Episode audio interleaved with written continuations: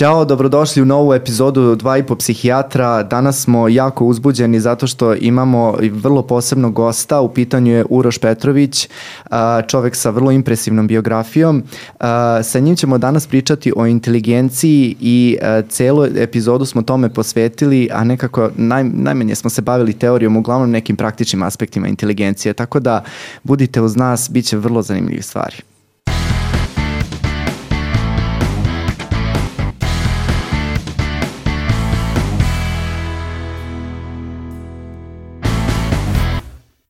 Prvo nam, evo, reci kako si, kako ti se čini kod nas?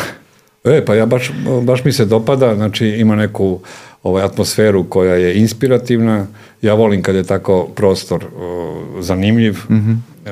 Podsećaju čak neki delovi na, mom stu, na moj studiju u kojem stvaram, samo što je ovde mnogo urednije. Znači, ja volim kod mene, imam 46 bumeranga, znači, e sad mislite čega imam ostalog. Da, kreativni haos. Kreativni haos, to mi je upravo bila asocijacija. Jel svi kreativni ljudi imaju haos ili nije to baš tako? Pa ne, ne bih Mislim, ja... na osnovu tvoje ja ne volim, s kom si drugo. Da, da, da, ne volim da generalizujem, da. Ovaj, čak ni dva blizanca, a kamoli... Uh, ja to nisam namerno uradio, sad sam ja napravio haos, ja to proizvodim uh, bez, bez, bez greške, dakle. Mm -hmm. uh, vo, volim kada u prostoru ima više detalja, mada se recimo ne bi složili, danas ima čitav pokret ovaj, za minimalizam i to mi se nekako ovaj, dopada, ali mm. uh, volim kad, kad nekako ima, evo sad tu vidim neke uh, detalje koji te posjećaju na nešto. Uh, gotovo kad se bavite stvarima kojima se ja bavim, i pisanjem, i fotografijom, i crtanjem, i tako mm. nekim stvaranjem, onda jedan detalj, čak uočeni perifernim vidom, može da napravi čitavu priču. Mm. Da, mi smo krenuli od kreativnosti, a u stvari ono što je da kažem bila između ostalog jedan od motiva što smo evo Roberto imali ideju da te pozovemo u dva i po psihijatra, to je što si ti proglašen ne znam sad koliko se to tebi sviđa ili ne, za najpametnijeg Srbina, je li tako? I ovaj, o tome ćemo naravno detaljnije pričati, ali evo već kad pričamo o toj kreativnosti, kažu da nema kreativnosti bez inteligencije, ali da nisu svi inteligentni ljudi kreativni. Da, nisam siguran. E, ono što, u šta sam siguran, pošto e, puno vremena provodim sa decom, jako radim i sa odraslima, sa svim uzrastima, da su zaista e, deca u jednom periodu puno kreativnija od proseka odraslih. Uh mhm. -huh. I verovatno se dogodi u jednom trenutku taj neki, to, to neko kalupljenje gde oni izgube uh, možda samopouzdanje, možda uh, dođe taj neki stid, šta će da misle drugi ljudi o nekoj ideji koja na prvi pogled i nije onako baš primerena ili ne izgleda toliko pametno. Uglavnom, recimo, imam radionice koje dugo već radim, zovu se zagonetni predmeti, gde pokažem predmet. Imam i preko 300. Da. Opet zamislite moj studio. 300 predmeta e, koj, kojima nije jasna namena na prvi pogled. A funkcionišu super, sve sam ih isprobao. I onda ja pokazujem ljudima predmete Tako budim onaj malo inženjerski, izumiteljski način razmišljanja kod ljudi i ajde čemu ovo služi. I sad tu krene, dakle, ono razmišljanje čemu služi. Od preškolaca dobijem za prva tri minuta možda 25 ideja. Ali, od sedmaka. Od sedmaka? Sedam. Sedam. A vidiš, što si me asocirao, uh, ima jedan u Hrvatskoj Korado Korlević, astronom, koji ima svoju, da kažem, svoj observatorijum i kažu da je otkrio mnogo više asteroida nego recimo NASA. Ali ono što on uvek za sebe kaže to je da se mnogo više bavi edukacijom mladih nego što se bavi, da kažem, svojim bazičnim zanimanjem i on tvrdi da u svakom razredu je potencijalno makar jedan Nobelovac. Znači da je mnogo više talentovane kreativne dece nego što kasnije izrastu u kreativne ljude. Ja sam u to siguran. Da. Dakle, ja sam u to ap, apsolutno siguran i mislim da nije kasno ni, ni za odrasle. Mislim da se i među ljudima koji poznajemo nalaze mnogi koji imaju potencijal da naprave neka čuda. Ali mm. vrlo malo njih naprave čuda. Mm. A šta misliš da je, da kažem, negde esencijalna karakteristika, možda neka karakteristika ličnosti? Meni, mislim, pada na pamet radoznalost, pa te zato pitam. Da li je to nešto što postiče čoveka? To je zanimljivo. Da. Radoznalost da. sam koristio kada su me, dok sam bio predsednik Mense ranije dosta, e, pitali su me ko je da opišem članove, kakvi tu ljudi dolaze i ti ne možeš da nađeš ništa drugo zajedničko. Tu su recimo od ljudi koji se ne bave ni sa čim, do recimo doktora nauka. Mm. Uzrast, sve je različito. jedina zajednička karakteristika je radoznalost. Jedino tu možeš da vidiš, dakle, radoznalost koja traje, dakle, koja je ostala. I ono, kad radim sa decom, uh, ja se, ono, sad poredim, pošto postavljam neke zagonetke, to ceo život radim, i teram ljude da razmišljaju, tako. I onda uh, sam primetio da deca čak brže reše neke zagonetke nego odrasli. Ista zagonetka, isto postavljena, čak u istoj sali, ne znam, stotinu dece, stotinu odraslih. Pet zagonetaka, 3, 2, 4, 1 za decu. Deca imaju mnogo više mašte, duha i hrabrosti. Mm. Odrasli imaju više znanja, obrazovanja, ne znam, iskustva. Ali su i rigidniji malo. E, u tom sudaru, dakle, o, očigledno da ovi mališani, znači malo ovaj, e, prevagnu, prevagnute njihove osobine i onda sam shvatio, pravi rad sa decom jeste da pokušaš da ih ispirišeš, da odrastu, steknu znanje, iskustvo i obrazovanje, a da sačuvaju ono maštu, duh, hrabrost iz detinstva. E, onda imamo neko ko pravi čuda. Moram da ti Ali otkrijem, malo ih je. Moram da ti otkrijem jednu tajnu. Ja mislim da je ekipa dva i po psihijatra, zajednički menitelj ekipe koja radi, je upravo ta jedna intelektualna radoznalost. Mm. Hoćeš se složiti sa mnom? Ja slažem, apsolutno. Da smo Apsolutno. nekako, upravo da se... To da nas je se- spojilo. To nas je spojilo. To je esencija. To je esencija, ta Da. intelektualna radoznalost. Jeste. I potreba ipak da širimo i dalje svoje znanja i zbog toga i da I dovodimo tu ima, neke to sam pametne ljude, više da. puta, kako hoćeš nešto da shvatiš baš dobro, probaj da nekog to naučiš što pokušava da shvatiš. Da ti nekom drugom objasniš. I to je ono što se zaista pokazalo kao tačno. Puno puta sam ulazio u neke nove oblasti. Ne znam, ono, pojavi se NFT, wow, hoću NFT. Dakle, Da, da. i sad, kad, ja u stvari drugima objašnjavam, želeći da sam time ovladam, da mi sve postane jasno. Tako da to funkcioniše.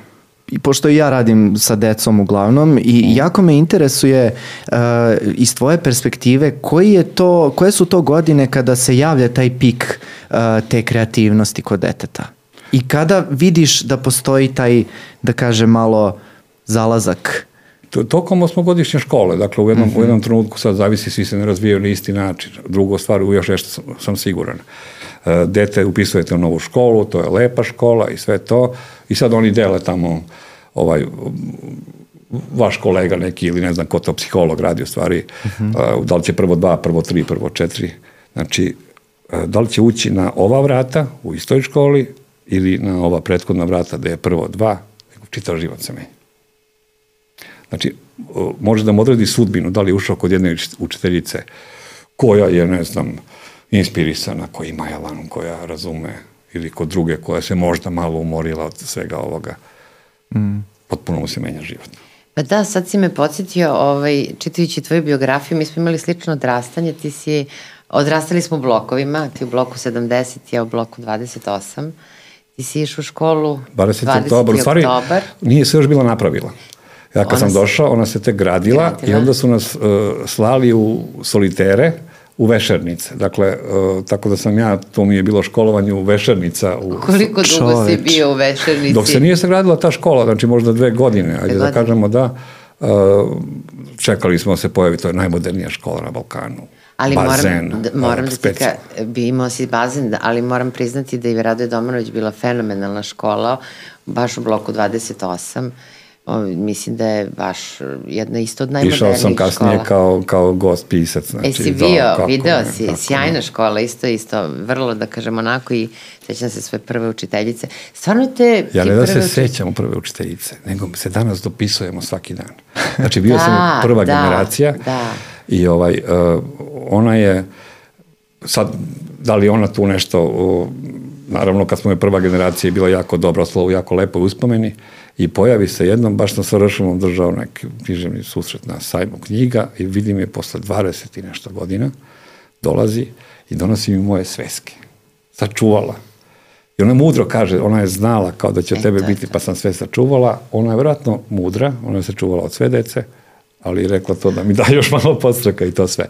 Ali bi sam se iznenadio kad mi donala svesku iscrtano, dakle, karikature, crteži svuda, i to sveska i srpskog, dakle, da je, tu nije mesto baš crtežima i to.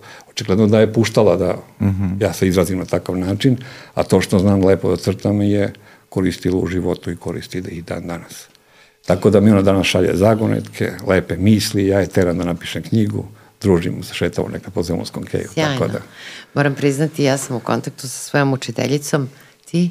Ja nisam, moram Nisi? priznati, ne znam šta se desilo Da. sa njom. Da. Nekako, ali stvarno ovaj, koliko je to odrastanje i koliko je to kad imaš dobrog učitelja, dobro učiteljicu. E, ja ga Ali ja, a moram, moram samo da priznam da, da već sad vidim jedan bombastičan nazov, naslov ove epizode, najpametniji čovek u Srbiji se školovao u Vešernici. Da, da, da, da, da, Kad da, već da, pričamo da. o inteligenciji i onoj od čega inteligencija zavisi, onda očigledno ne zavisi mnogo od mesta na kom se čovek školuje. Ne zavisi, ali zavisi od ljudi. od ljudi, Definitivno da. od ljudi, da. da. Ne, kažem, ono, ono je divno, ja kad držim nekad predavanje, držim i za učitelja i tako, i zadnji kadar mi je, i sad govorim ono i samopouzdanju, kreativnost, sve, i onda o, čekam ono za wow efekat, ali mislim da je ovo najvažniji faktor za o, ono, vaspitanje dece i klik, i ono ja i ona zagrljeni, skorašnja fotografija, i kažem ljubav, to je ono kao, Divno. tako da je ono, Ali pored ljudi, da kažem, ipak postoje neke stvari koje, kojima je čovjek kad je okružen, e, privlače mu pažnju. Recimo knjige. Ti si odrastao... Znači, ja sam ovaj, tu veliki borac da, da, Da, da. I, I znam i zašto. Dakle, uopšte to nije, to se i zna. Samo ja ne znam kako ne može da dopre svima uh, do pameti. Kad su pravili istraživanje, uh, znate za njega, kako je bar jedna knjiga u dečjoj sobi, da osoba kad odraste ima za 30% veća postignuća u životu, onda su, pošto su to u Nemačkoj radili inicijalno, da. bilo je čudno, kao nemoguće baš tolika kore- korelacija, kao da li si čitao nešto van škole, pa 30% plata ti veća. I onda su ponovili u dve zemlje, od kojih jedna Hrvatska. Rezultat potpuno isti, ali to je i logično. Dakle, deca koja čitaju imaju bogatiji rečnik, bivaju veštija s rečima, mnogo bolje od mene znate da onaj ko je veštiji sa rečima je i hrabriji sa rečima. Tako tu Apsolutno. Da. I A onda jednog dana, da li si psihijatar, advokat, političar, znači to je ogromna prednost na drugima, a pravi se u ranom periodu. Mm.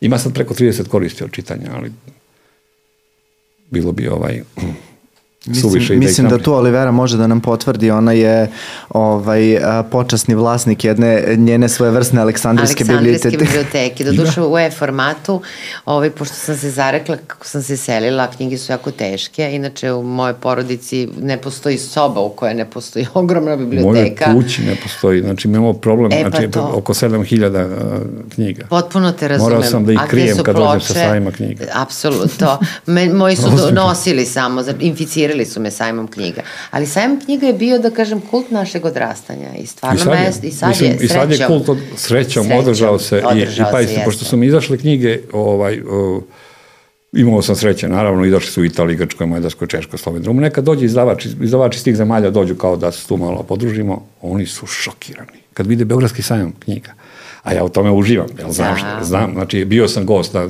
sajmovima, ne znam, u Italiji, Švedskoj, pa to, to ne može da se poredi ni u jednom segmentu. Odjednom mogu vidjeti onu reku, reku ljudi, pisci, haos, znači, e, to ne samo da je reka ljudi, posetilac, tu se knjige i kupuju zaista.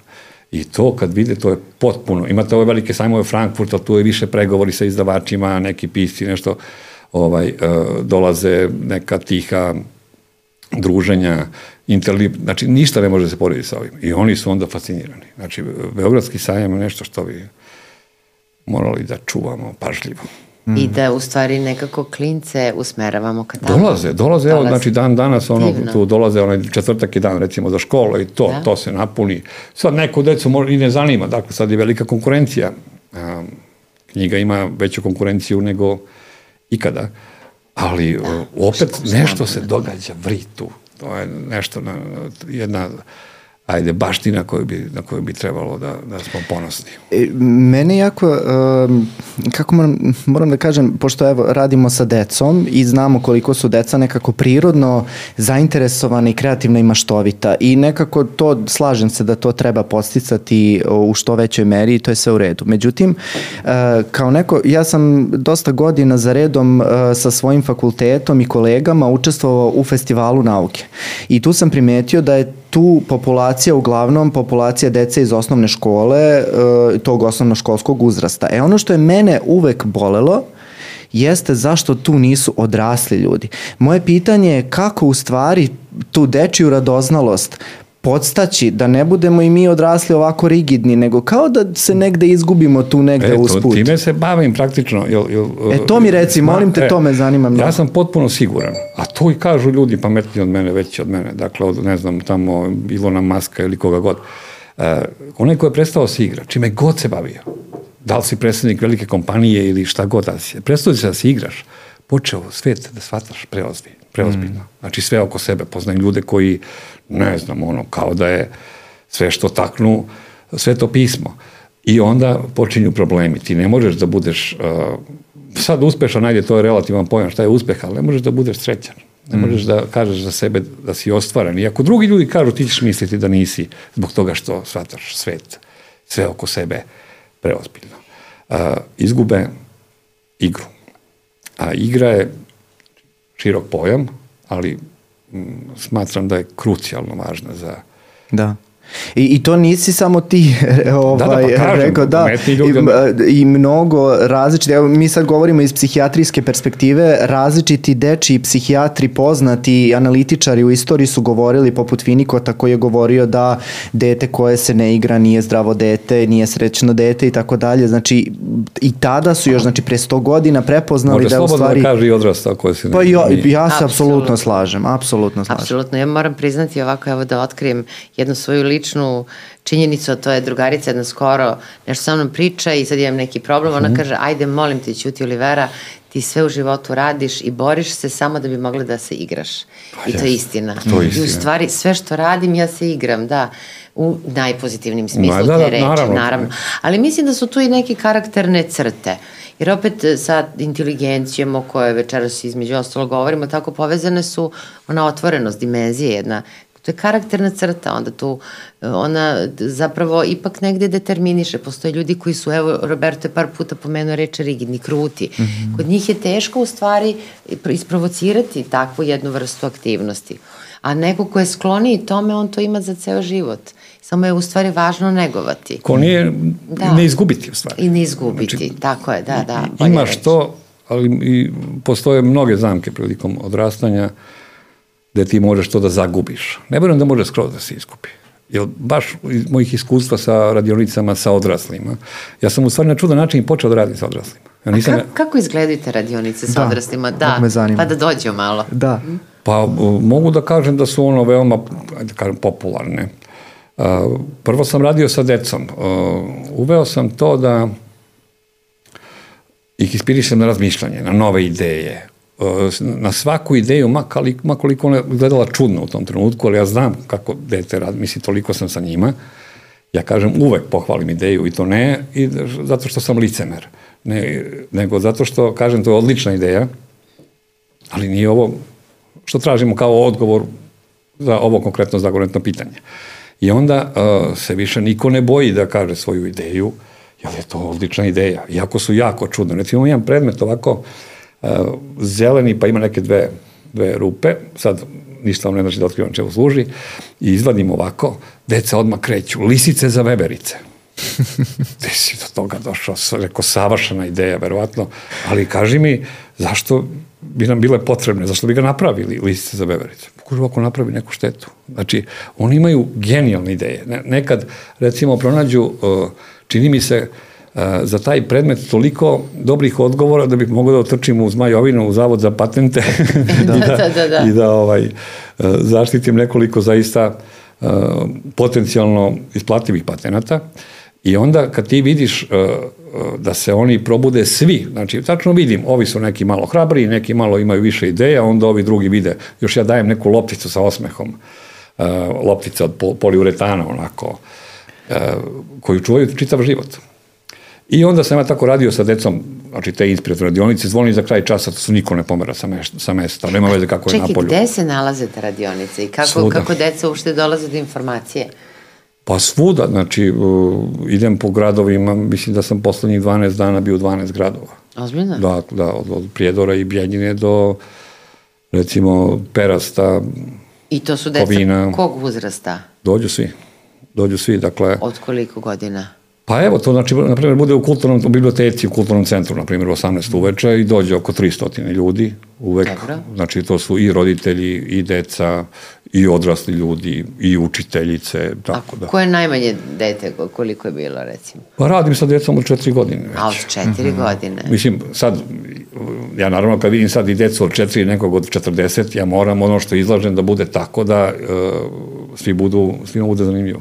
E, ali jedno pitanje koje bih postavila i tebi, a Mhm. istovremeno Robertu, ja sam psihijatar za odrasle, a Roberto se bavi ipak decom, pre neki dan sam videla, bio je prilog neki, da kod nas deca do pete godine života negde do 70% njih imaju problem u govoru. 80% u centralnim, u 80%, centralnim tako beogradskim školama. tako je, tako je. Pa i to je logično, dakle ništa nije što... Šta se to Pa desi? evo šta se da desi. O, ja sam pročitao naravno, pošto pun sam tog bespotrebnog znanja pod navodnicima, pošto sam pravio pitanja za kvizove i tako.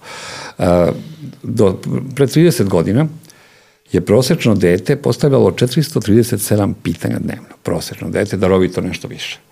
E sad, pojavila se tehnologija, pojavili se telefoni. Ja. Šta je pre bilo, znači on se sad zabavlja, ima telefon ispred sebe, a, da bi se izgovorila jedna reč, to su mi kolege logopedi pričali, znači ja.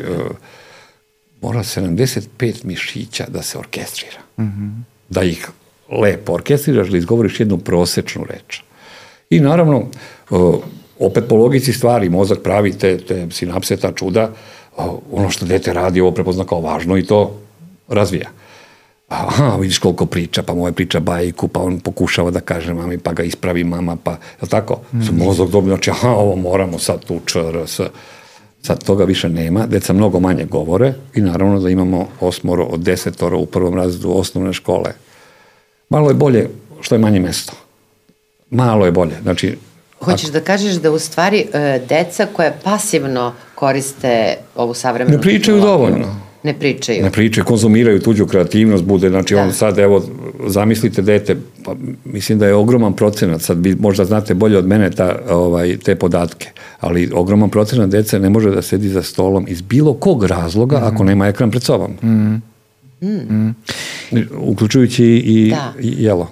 Ja hoću takođe da se nadovežem da nije problem sa govorom je ogroman, sada i moje kolege i ja svedočimo tome jer su nam ambulante pune uh, nečega što mi zovemo autizam-like sindrom. Jer ne samo da se ra ne razvija govor i da se, a nekako govor se kod nas najlakše najlakše dođe do nekog stručnjaka, jer kada dete ne govori... Ne, ne mogu da dođu, verujte, do logopeda. Logopedi su svi zauzeti non stop. Da, ali e, kada dete ne govori sa određenim brojem godina, recimo sa 4-5 godina, roditelj uh, sma, smatra da dete treba da dođe. Međutim, neke druge stvari se tu, da kažem, malo zanemaruju. I onda, osim problema govora, sa tim obavezno udruženo ide i jako smanjen opseg pažnje i velika hiperaktivnost koja se javlja ukoliko dete nije zaokupirano velikim brojem informacija koje dolazi sa digitalnih medija kojima je dete je, bilo izloženo to, znači, do tada. Moram da kažem, zastrašujuće ti na TikToku dete vidi recimo senzacionalnih scena za jedan minut više nego što je prošlen čovek, čini mi se viđao za godinu dana pre, da, za jedan da. minut. Mm. I to sad, znači, ono, ne znam, pada avion, vuh, sledeća scena, kupaju slonove, sledeća scena, medved juri biciklistu po šumi. I to sad govorim, u stvari, najbenignije scene, dakle, oni gledaju nešto ovaj, ne znamo šta gledaju. Sad si me podsjetio na Milu Jovović u petom elementu, znaš kada ona gleda celu ljudsku ne, istoriju. Celu ljudsku istoriju, ali da. onako jako brzo, da, ali ti to može peti element, a ne može dete od pet godina. Tako je. Međutim, znaš šta, da ne bi sad totalno baš optužili tehnologiju. Ne, kako da, ja, ja sam... Ja sam jedna velika tetka koja imam sestričnu Teodoru koja ima pet godina i koja i poprilično koristi i tablet i mobilni i tako dalje ali ona je poprilično razvila i to paralelno sad priča engleski i srpski, ali znaš šta radi? Ona ima tu radoznalost, izgleda ne, jer ona to sedi... je najvažnije, znači mi ne možemo da. to sklonimo, to je tu. Da. I super je, to je znači, uh, samo ja kažem, voliš da gledaš video snimke, imaš drugare, drugarice, imaš bolju kameru nego što je imao Spielberg. Kao, izvinite, niko ne zna, niko ne zna, ne zna ko je, nema veze. Spielberg, ali nema znači, veze, da. Nema veze, ali imaš bolju kameru. Voliš to, nemoj samo da konzumiraš tuđu kreativnost. Naravno, ovaj, provedeš tri sata igrajući neku igricu ili gledajući te videoklipove, izgubio si vreme. Dakle, mozak verovatno kaša. Dakle, probaj da napraviš sam. Ajde da vidiš. E, danas, čini mi se, stvarno za neznanje nema izgovor. Ti na YouTube-u naučiš šta god hoćeš. Ona je ja recimo naučila da učim. piše, da. Ja sam... Ona je naučila da piše na engleskom tako što je gledala sada Naravno, na onom pa, ima kako i to je naš se... Uroš mi rekao da je to super stvar. Da. Ovaj, da ima dobrih igrica, da nisu sve, ali da ima odličnih igrica, što me onako, da kažem, ohrabrilo. I onda je ona krenula da četa i videla da oni nešto pišu i onda se zainteresovala, onda je samo iz druge sobe, mama, a kako se piše ova reč, kako ova. Ali mislim da je tu i mama odigrala veliku ulogu, jer ona stalno u pa, interakciji s njom. Naravno, samo sam ja protiv toga i da, znači, mi smo sada je, teretili roditelje strašno, znači da... Oni daju samo mobilni dete da se skloni, ili to misliš? A, pa da. to je greška, to, to. to je velika to greška. Dešava se. Dešava, dešava se i to uh, opet ja pokušam uvijek da razumemo, znači šta se događa, dođe s posla razvaljen, tako, dođe umoran, borio se za novac, za ovo, za ono, dođe kući i sad, ja sam pobornik čitanja bajke velike, znači, jel to je nešto što, što se menja, što menja bukvalno lično, čini mi se, i sad kad dođeš kući tako umoran, pa lakše ti da uradiš ovo, da daš, znači ono, tablet ili ovo, ili ne znam, pustiš šta god, nego da, na primjer, sediš i čitaš bajku. Ali opet sam siguran kada bi roditelji znali kolika se razlika pravi i koliko to može jednog dana, ako nešto dobro se radi sa decom, da se jednog dana pretvori u vatromet, a je, ono važi obratno, ako nešto što se ne radi može da stvori posledice za čitav život, da bi oni se ponašali drugačije. Pošto smo mi, da kažem, negde generacija, odrasli smo, sećaš se onih bajke naroda Jugoslavije, bajke sve naroda sam, sveta. Ma sveta, ono, litvanske. Pa, ono je ludilo bilo sve. knjiga, ali mislim da to stvarno treba ovako da, da stavimo kod Roberta na odelenje, da, ja ću lično da donesem iz moje Evo, ja sam inspirisan s tim bajkama, na, na, najnovija knjiga, 21. knjiga su mi bajke. Bukvalno sam da napisao bajke Sjajno. i mogu da kažem da su, od, evo, izašle su u julu prošle godine i dan danas su najčitanija knjiga u Srbiji. Pa moraš da nam ovaj, kažeš, kako se zovu baš, bajke? Bajke ili... i vrlo maštovit naziv, pr prvih sedam. Uh, uskoro izlazi nastavak, dakle, bajke drugih sedam. Tako da, ali su naš super urađene, ovaj, ilustrovao ih je Aleksandar Zolotić, koji je verovatno i najzaslužniji za uspeh te knjige, e, koji ne samo da ilustruje za moje knjige, ilustruje na primjer i za Disneya mm. i mhm. za wow. DC Comics, tako. Da. E, moram da te pitam sad, pošto ja za tebe najviše znam, osim uh, za, sa Lavirinta, pričat ćemo malo o tim, uh mhm. -huh. tom tvom periodu života kada si pisao za kvizove, uh, osim toga znam da si jako popularan u svetu dečjih knjiga. I uh, da li možeš da mi kažeš, s obzirom da, kada, evo, pre nego što smo radili ovu epizodu, ja kažem, dolazi nam Uroš Petrović, svi uh, razvojni psiholozi su eksplodirali i kaže, ja, Uroš Petrović, njegove knjige, svi super strava. I, ovaj, uh, mojim ti, možeš da mi kažeš šta je to specifično za tvoje knjige što izdvaja od drugih i uh, uh, zašto su, stvarno su tvoje knjige najpopularnije, to si sam rekao i to je činjenica, ovaj, u tom svetu dečjih knjiga, a i nema ih nešto, nema nešto mnogo autora, možda sada ima, ali nekako pre 10-15 godina nije bilo. A ovaj, druga stvar, e, da li si primetio e, da ti roditelji daju neki feedback?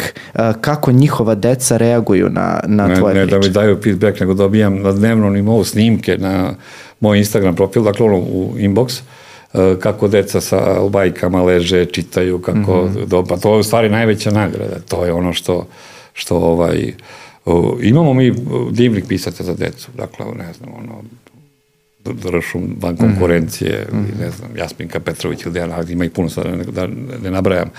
Uh, meni se čini da su moje knjige malko drugačije, imao sam sreće da se poklope, nisam ništa uradio namerno. Mm -hmm. Znači, ja sam potpuno u taj svet ušao slučajno, a, bavio sam se različitim stvarima, znači sam diplomirani inženjer tehnologije, i to sve. I onda sam o, sa 33 godine seo, dobio neku potrebu da napišem knjigu. Sam sam ilustrovao, čak epska fantastika, zove se knjiga Aven Jazda posle zemlji Vauka.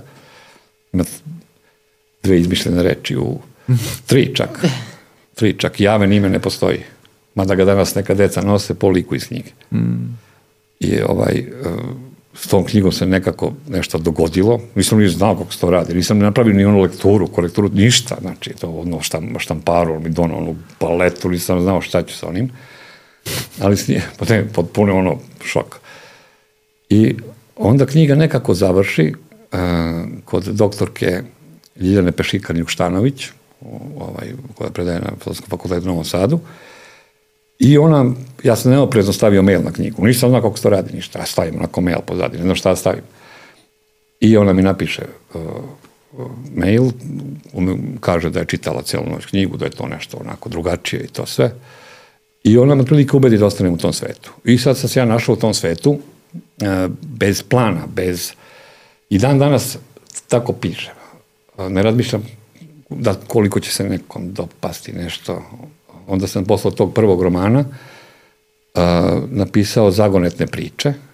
Ali kad sam bio dete, mi smo ostajali ono leti do, koliko hoćeš tamo na polju i to bilo dok... A to je bila glavna igra da jeste, i onda kao, priče, da. Zagonet, ali bilo ih je tri, četiri. Tako bio onaj, tačno, ne znam, nizak čovek tačno. sa liftom i bio Tačno. albatros neki, ne znam, neko poli drvce i padobran u Sahari i nije bilo više. Ja mi je bilo žao, znači, ono, ja sam voleo to i verovatno mi ta želja ostala i sad kad sam već počeo, ajde, ja ću sad da pišem knjige i to sve, onda krenem, ne znam, neke stare da se sećam, da preradim, možda prilagodim današnjoj deci i krenem da ih smišljam. A onda mozak stupa na scenu. Znači, kad ti mozgu saopštiš onim što hoćeš, što radiš, što ti je stalo, da ti je nešto važno, možda napravi čuda. Možda napravi čuda. I to danas vrlo dobro znam i koristim. Ne samo za sebe, za druge ljude. I onda to krene. Danas imam, kažem, preko 20 knjiga, 170 izdanja, čini mi se samo u Srbiji, preko pola miliona primjeraka. Da, ono što mi je meni fascinantno, to je uopšte e, ovako, tvoja biografija. Ja sam nešto čitala, Roberto je detaljnije se pozabavio, da kažem, tvojom biografijom i ono što mi je zajednički meni ti svega što si radio, to je da si baš pravi polimat. Jednostavno, prosto spektar tvojih interesovanja izuzetan, tako da u stvari to je nešto što je bogatstvo tvog života, jel? Jer pomenuo si malo pre da si završio u stvari tehnološki fakultet. Da, ali recimo volim se bavim na primjer fotografijom, to mi je bilo super. Ali, Pa cvećem, pa šta još si radio? Ma, šta nisam. Pa ajde, ajde nabroj nam. Pošto mi ne možemo da nabrojimo, pokušavali smo, vežbali smo. Povežbali smo, ali nismo uspeli, da. Da. Pa, mislim, to pre, predugačko je, dakle, držao sam čak, a stvarno, znači, bavio sam se čak ono, uh, držao sam uh, svoju modnu liniju, to je ona isto bilo ovaj, dosta uspešno i zanimljivo. Kad su, kad su meni prihodi narasli iz ovoga što radim, što volim, znači da radim samo što volim, da može ona porodica živi, e onda sam ja sve ostalo ugasio, iako i to radilo. Recimo do, do toga da sam čak uh, od, odgovorio na molbu elektrotečnog fakulteta kako da da im pomognem kako da uh, zvuk sa koncerta Pavarotijevog u Pioniru ne odlazi uh, iz sale, a da znači može brzo da se zatvori oni proloj tako, znači ono volim tako da, da, da ovaj kad je neki kad je neki izazov. Kad je nešto tako lepo i zanimljivo. Kako da odbiješ to? Znači, ne možeš da odbiješ. Pored ovog uh, najraznovrsnije biografije koju sam ja pročitao, molim te da mi objasniš, odnosno da nam kažeš kako je došlo do toga da te proglase najpametnijim A, Srbinom. To, to je jedan nesporazum od pre 20 godina. Stvarno nesporazum? Pa mislim, I dan rekao, danas te ne- prati. da, da, Da. tad je tek pratio. Ovaj, uglavnom, uh, ja sam tad se ovaj, učlanio mens, rešavao na mensin test, oni imaju mhm. ono katalovu skalu Bineovu, ne znam, ne možeš, kao nije pouzdan preko 156, Uh, e, da. Jel ne broj šta, da. O, da, nije, nije bilo, to, to me tad zanimalo, to mi je bilo onako zanimljivo, ne, opet neki novi svet. Koliko godina tada, prilike? Vred, vred. 30, dve, jednu. Pre mhm. toga da. nikad ti nije palo na pamet. Ne, to ne. isto bilo, nešto smo vidjeli, ja i neki drugar sedeli Aha. na, na ovom, za računarom, tad je ono, internet još bio onako forumi neki nešto uh i onda mhm. smo naleteli na taj forum ensi mi se smejali, pokidali se kako ovo glupost, ne znam, imali su one neke oznake ovaj, za ta neke grupe sig za ovo, sig za ono, za igranje, za znači smejanje je najstrašnije. Mhm. ovaj, I onda tako nešto se poklopilo i nema veze, znači sad sam ušao i to bi bilo sad zanimljivo i to je u stvari to, e, nije pouzdan preko 156 kad uradiš ne znam koliko zadataka tamo, to sam sve znao posle, pošto sam ovaj, i vodio neka testiranja i tako. I onda sad e, aha, znači nije pouzdan, ne zna se kad je preko toga. I onda počnem da jurim neke testove, da vidim kao koliko je to. A, i tada sam radio za neki, učlanio se još dva, tri udruženja. Da god sam našao da ima test da se učlanjenje, to kao sve ono uradim.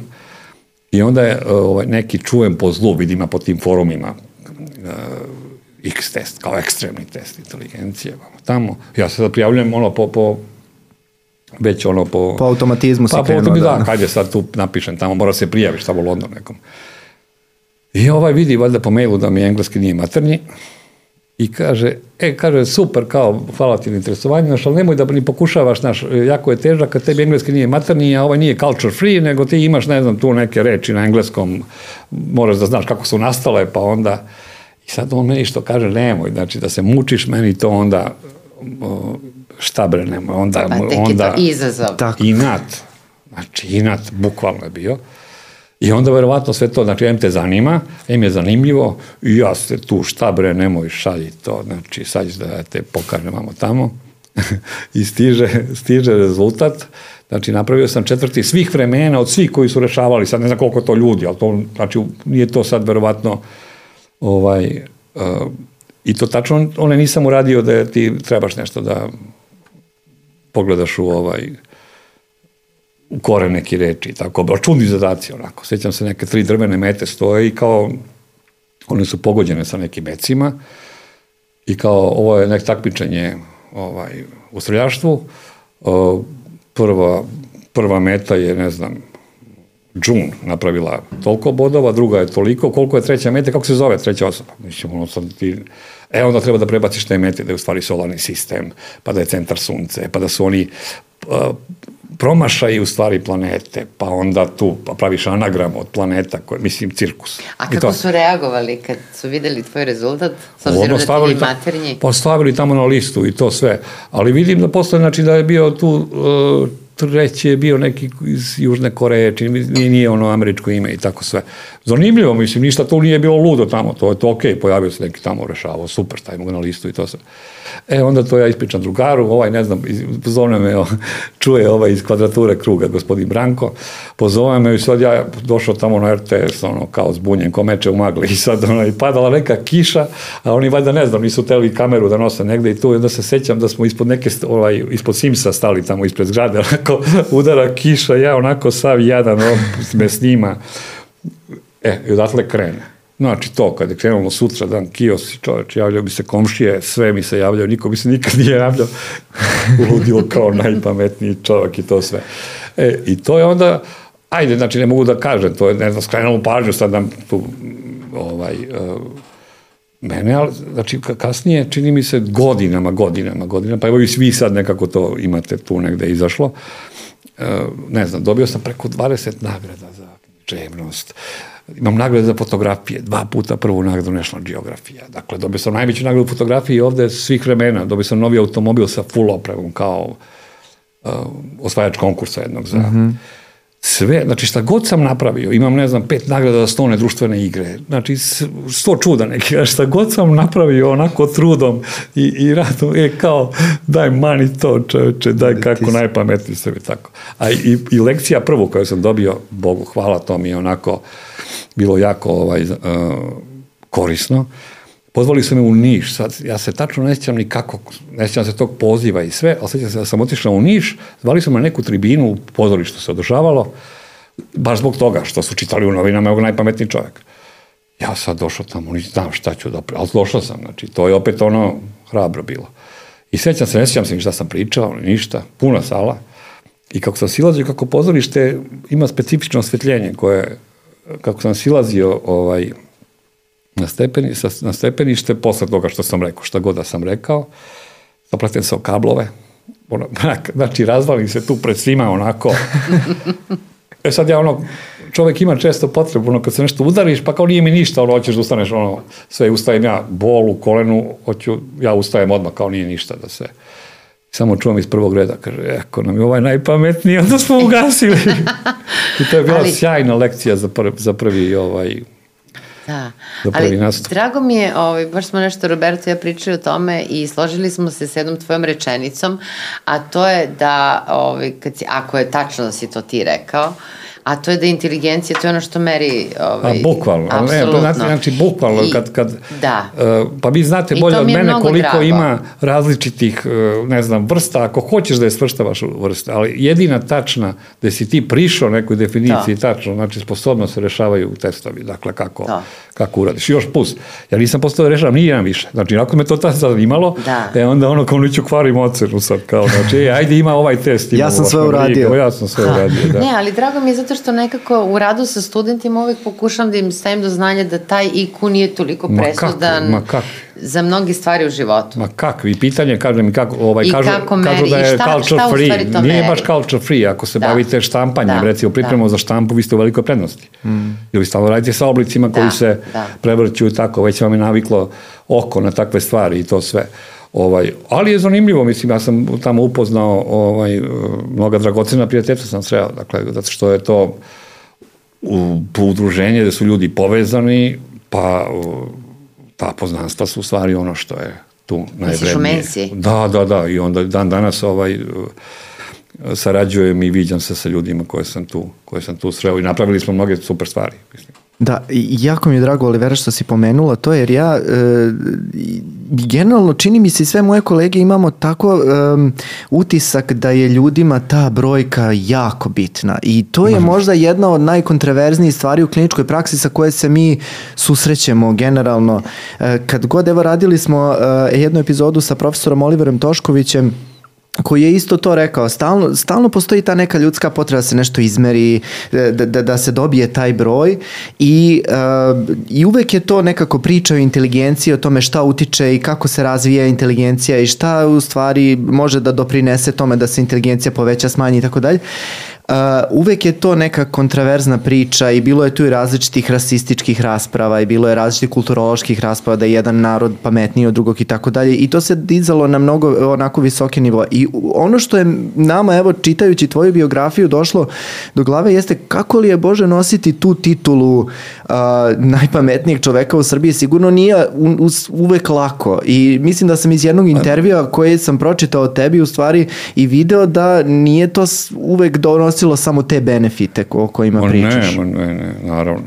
Naravno, mislim, ali ja volim da uh, pretvaram nevolju u prednost. Znači, to vežbam, znači da pretvorim nevolju u prednost. I to je uvek. Recimo to kad se pojavilo, pa sad ti nas, neki bombastični novinski, znači naslovi su preterani bili, sve to bilo, ja ga gledam ono sebe, ne, li, ne znam, nekako mi je pošto nelagodno osjećam. I onda počeli da mi šalju uh, e, ajde reši ovo ako možeš. Znači, Aha. da je god, ajde re, da vidimo, znači, ajde reši ovo, ajde reši ovo. I ja onako super, baš pisao ovaj Zagorete priče drugi deo. Rekao, tamo ti imam još Materijala su ti u stvari inspira- dali. Da, da, da. inspiraciju i tako.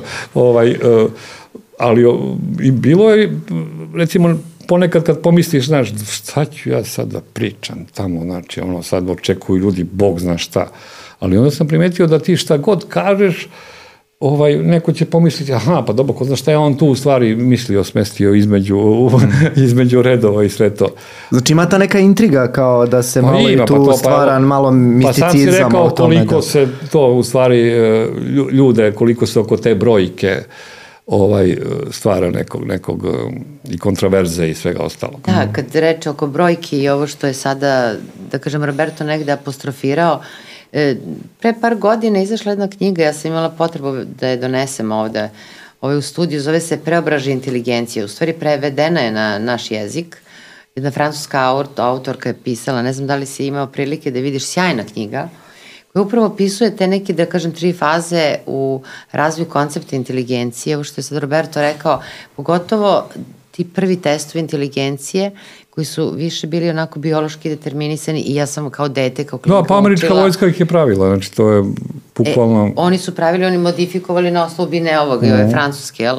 ovih prvih testova, ali i sećam se kao klinka mi smo učili kako je inteligencija nasledna, da je ona biološki određena i pojavila se 94. godine jedna vrlo kontroverzna knjiga ovaj zvonasta kriva. Bell effect, uh, Bell, da, da. Bell, da, Bellova Bell kriva, curve, Bell, Bell Bell curve, curve, da, da, da. Belova kriva pisao je, ja mislim, jedan politikolog i psiholog. psiholog. Mm. I oni su u stvari opisivali i po, hteli su da pokažu kako zapravo samo elita, postoji takozvana kognitivna elita, da je to vezano i za materijalni status, tako, i puno i rasizma i socijalne stratifikacije i tako dalje. E, posle toga smo malo ušli u neki, da kažem, zdraviji period uh, period kada je na početku 21. veka izlazimo, da kažem, iz te genetike suve i kada shvatamo u stvari ulogu sredine, onako da kažem naučnici shvataju ulogu sredine, ono što si ti na početku našeg razgovora i rekao, koliko je važna učiteljica, koliko je važno okruženje, koliko su važni pravi drugari i koliko interakcija među ljudima i roditelj dete, jel, a ne dete Sve, mašina. Sve, šta doživiš kao, kao dete, čini mi se da... da Sve. Um, Šta misliš da je u tvom odrastanju nekako onako bilo, da kažem, dominantno, plemenjujuće? Pa kada Sigurno ništa, tvoja radoznalost, pa, ali radoznalost, nisam to? ništa radio namerno. Ali recimo kad se osvrneš preko ramena, e onda prepoznaješ. Ja sam recimo pravio kvizeve, kvizove za svoju braću od strica i za rođenog brata kao mali. Bio sam ono fasciniran kvizovima. Eto, 30-40 godina kasnije praviš za najbolje kvizove, tako neka ili pitanja ili čak i učestvuješ i tako. Znači, gde god sam prepoznao da me nešto vuče ili da sam u nečemu relativno dobar, uvek mogu da nađem klicu negde u, u Odrastanju. Ali da, ali uvek kad se osvrneš. Znači, ne znaš ti to unapred. Ne znaš unapred. Mislim da je o, mislim da recimo evo sad, i to je zanimljivo će biti za slušalce, ovaj, da, na primjer, i taj, ta brojka koju smo pominjali, da ona može se uvežba i da se popravi. Mm -hmm. Znači nije to nešto što mozak ne može da uradi. Ali, mozak je znači, stvarno začuđujuća stvar. Da, ali, ali nećemo dušu da merimo brojevima. Ma, naravno, to definitivno. Naravno. I nekako mi je drago što si apostrofirao to najpametniji je nekako stavilo u senku Ma, neka, to, neke druge stvari koje su Ma ne samo to, nego što to da. nije, znači, sad kad bi to, to, ja sam dobro uradio taj test što me zanimao, možda mi je legao, možda, tako, da. možda ono malo inat, malo tako, sve, sve se to poklopilo. Uh, u tom trenutku Znači, tu, ne, naravno da ne znači niti da sam najpametniji, niti sam i najinteligentniji, niti da, ne znam, to možda se meri, niti sam i u prvih, ne znam, nija milion. Postoji, ali to tako, znači, taj splet okolnosti je doveo do toga da ja, kažem, moram nekad da se branim, opet taj reflektor koji se mm -hmm. uh, dogodio, tako, opet nenamerno, Znači, ne mogu da kažem da nije pomogao da se obrati pažnja na moje knjige, na primjer, u to vreme, ili da ja uz uh, odgovore o tom testu mogu da provučem ponekad i još nešto. Znaš šta me zanima? Zanima me tvoje mišljenje, da li misliš da su inteligentnije osobe srećnije ili ne? Ne, ne, kako Pošto sigurno si čuo da neko nekad kaže ja da sam glup, ovo bi mnogo lakše podneo ili to ima neka ono, raznih tih rečenica ustaljenih u našem društvu, pa me zanima... Mislim, koja... ja se ne usuđujem baš da pričam o tome pred dva psihijatra. dakle, ali namerno te pametan, zato pitam. Da, ali ono, po logici stvari, dakle, uh, mislim da uh, je, što čovek više zna, uh, naravno da nekako što ima finije emocije, dakle, nije, nije lako. Sad, čini mi se sad, opet vi to bolje znate od mene sigurno, da je unutar populacije mense baš, ima tu par istraživanja koje sam ja čitao sad, uh, koliko, sam, koliko su pouzdani izvori ne znam, ali da čak da su neki poremećaj uh, češći nego kod opšte populacije. I to i potpuno i razumem zašto je tako. Da. Čitao sam o deci mm, da. koja su, ne znam, se od ujutru sekirala zbog, ne znam, zagađenja planete, to su jako pametni, znači ono najbolji đaci, vrhunska inteligencija, nije povezano sa srećom. Mis, da, u narodu postoji ona rečenica koja baš i nije mnogo lepa, kaže između genijalnosti i ludila tanka je tanka linija, linija da. i mene je zainteresovala ta tema i onda sam se jedno vreme malo bavila time i shvatila u stvari da nije to baš tako i mnogo je surovo. Prvo reč ludilo mi izbegavamo, ono ima krajnjeno negativno značenje. Međutim, postoji jedan poremeć u psihijatriji, bipolarni poremećaj, da, da koji se dovodi u vezu sa kreativnošću i vrlo su interesantne istraživanja koje su rađene poslednjih nekih 30 godina. Prvo su krenuli onako da gledaju čistu statistiku i primetili su recimo da među e, upravo kreativnim ljudima, dakle ne, sam, ne inteligentnim, nego baš kreativnim ljudima, poput pesnika, književnika, glumaca i tako dalje, je desetostruko veći broj osoba koje boluju od bipolarnog. Pa ih je to onda zainteresovalo čemu se zapravo tu radi. I u stvari došli su do zaključka da nije za kreativnost i za stvaralaštvo toliko važno postojanje poremećaja, nego nešto što mi u stvari zovemo ciklotim, jel? Blago, jel tako, intenzivnije smenu, jel tako, povišenog i sniženog raspoloženja. I čak, evo to smo i u jednom od podcasta pričali o tome, pojavio se pre par godina jedan rad e, kaže svako želi da bude bipolaran, zato što ljudi koji nose, da kažem, taj poremeći imaju u sebi veću tu klicu kreativnosti, mnogo više nego, a jedan e, poznati naš psihijatar, mislim naš, kad kažem naš, mislim na planetu Zemlju, Akiskal, on je govorio nema kreativnosti bez ciklotimije.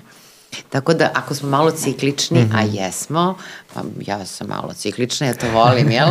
Jer u stvari to mi nekako daje, znaš, onako kada sam u downu blagom, onda, znaš, konzerviram, pripremam neku ideju, a onda kad krene blago. Pa ne, to je potpuno jasno. Cikličnost ja mora da postoji, da. Hajde napišite snažnu poetsku neku zbirku bez... Bez... Ma kakvi nema. Dakle, poznajem, sad neću govoriti imena i tako, pošto znači, družim se sa puno umetnika i poznajem ovaj, znači, vrhunskog, genijalnog, kreativnog umetnika koji može da stvara samo kad mu nije dobro. Tad, to, tada, jel? Jeste, znači, to su te snažne neću reći čak ni oblast umetnosti. Da, ja isto neću pomenuti izdavača, ali isto je jedna knjiga skoro, relativno skoro izašla Kreativnost i ludilo. I fanta, to je najbolja knjiga koju sam pročitala, da kažem, iz te oblasti, a mnogi sam pročitala, i ovaj, jer autorka fantastično pisuje recimo Silviju Platu, koja znamo da je nažalost izvršila ubistvo. Jeste, ali ja, ja nju stalno citiram kada je rekla da je najveći neprijatelj kreativnosti i nedostatak samopouznanja. E, mm -hmm. da, da. Mm. A, ali recimo čitajući njenu literaturu, šta se meni svidelo u toj knjizi, što je autorka jasno napravila razliku između onih pesama koje su imale tu umetničku notu i onih pesama koje su išli iz nekih, da kažem, kriznih trenutaka koji, u kojima nije mogla da stvara, da kažem, u punom smislu te reči. Mm. Tako da postoji tajna veza, ali ona je dobra, nije loša, da. Postoji to kad, kad bi ljudi shvatili tu ovaj, Evo ja iskoristim priliku recimo o, pošto se nalazim sa dva psihijatra, što nije obično kod jednog. ne, nedavno sam negde, sad ne se, ovaj, e, pitali su baš, isto su bili u studiju ovaj, psihijatrija, kao psihijatar je ono za pojedinca i to sve, ali kao imate neki savet za društvo, ja se odmah javio, kaže da treba nam šest miliona psihijatara i bit će nam super. ovaj, e, da, da apelujem na slušalce, na ljude, ljudima se pokvali zbono na biciklu. Znači, on ide kod maje tamo, ne, ne brzi ga ode da, da, ne znam, nije ili, ili neki deo, roletna mu se pokvari, to se sve, znači, sva, svaka aktivnost se prekida, aha, popodne zovemo roletnara, ne može da spusti tamo i to sve, znači, za roletnu. A kad mu malo nije dobro, vrlo se teško odlučuju da potraže pomoć. Znači, potpuno neshvatljivo. I to sve. Dakle, uh, a vi znate koliko je u stvari potrebna pomoć i da se neke, neke uh, stvari tu mogu i naučiti, znači ti posle sa tim iskustvom možda možeš da pomogneš sebi i da je sasvim normalno, ne znam, doživeti depresivni epizod, znači život, ako nije sinusoida, on nije život, znači šta je mm. tu, tako, uh, kako bi znali šta je svetlost, da nema uh, mraka, kako bi znali kad, nam, kad smo lepo raspoloženi, da nemaš onu neku, neku tugu koja naiđe i tako. Tako da ovaj, ne znam kakva su va, vaša iskustva, da li se u našem narodu konačno promenilo da su ljudi počeli da kao što imaš, ne znam, svog frizera, da eto, imaš i nekom Ja mislim da Olivera mnogo više zna o tome, pošto sam ja negde na, na početku karijere, ali ja moram da kažem uh, jednu stvar, a to je da osim uh, ove radoznalosti koja nas je spajala uh, i zašto smo uopšte počeli ovaj podcast, drugi glavni razlog za uh, ovaj podcast jeste upravo bilo to da malo senzibilišemo ljude na ove teme, da pokažemo da psihijatri nisu uh, neprijateljski nastrojeni, da nećemo ko zna šta raditi za tih zatvorenih ordinacija i tako dalje i e, da pokušamo da razbijemo tu stigmu koja prati a, a, psihijatrijske bolesti ne samo u našoj populaciji. Mi uvek govorimo o našoj populaciji kao da je najgora, ali ne. Mi govorimo o našoj populaciji zato što je najbolje poznajemo. Um, nekako trudimo se da razbijemo taj misticizam i to što psihijatrija sa sobom nosi. I molim te Olivera sad, evo, ti, ti reci, da li si primetila, evo u poslednjih, ovaj, ne znam, uh, godina, da li se to tako nešto menja? Pa ne menja se baš tako lako i ne, mnogo pa... ti hvala na ovome. Tako je. Zato što nama trebaju ljudi poput tebe koji će ovakvu stvar da kažu u javnosti I to je nešto što nam fali, to je nešto što nam nedostaje. Postoje razne kampanje koje sprovode psihijatri, ali nije to to. Trebaju ljudi koji nisu psihijatri autentično da kažu ovakve rečenice, ovakve poruke u medijski prostor kako bi u stvari se nekako vrata širom otvorila ka nama. I zato sam ja Uroša pitao odmah na početku kako ti je s nama Uroše? Baš upravo iz tih razloga to je bio svojevrsni mali test da vidiš da sa dva psihijatra u prostoriji zapravo nije toliko strašno. Da, jer mi smo više fascinirani, fokusirani tvojom kreativnošću nego što uopšte razmišljamo psihijatrijski. Apsolutno ne razmišljamo, ne, da. Nijednog da. momenta. da. Ja kažem, verovatno je ono što ćemo doživeti u narednim godinama, verovatno, mislim, nadam se da će da ovaj, ljudi shvate prioritete, da vide da je na primjer, roletna, ne znam, na, na stotom mestu, mm. šta bi trebalo da uradimo. Mm. Zašto mi je isto interes, interesantno, ovaj, volio bi da vidim, evo malo da ja čeprkamo ovaj, po, tvoje, po tvojoj glavi. Um, u jednom razgovoru sa Oliverom ona mi je pomenula uh, jedan vrlo interesantan efekat. To je takozvani Flinov efekat. Pretpostavljam da, da. da si čuo za Kako? to.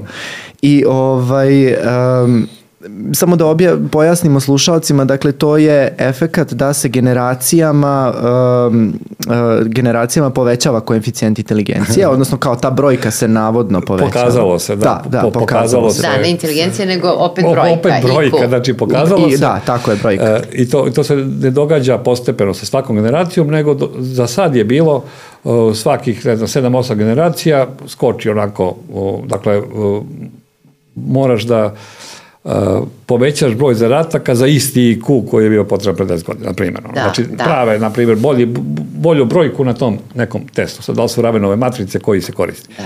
Uglavnom, Uh, I onda se ta, uh, ranije si morao, ne znam, 26 zadataka ili ne znam, sad posle 28 za isti IQ, ka, u zavisnosti od godina i sve to.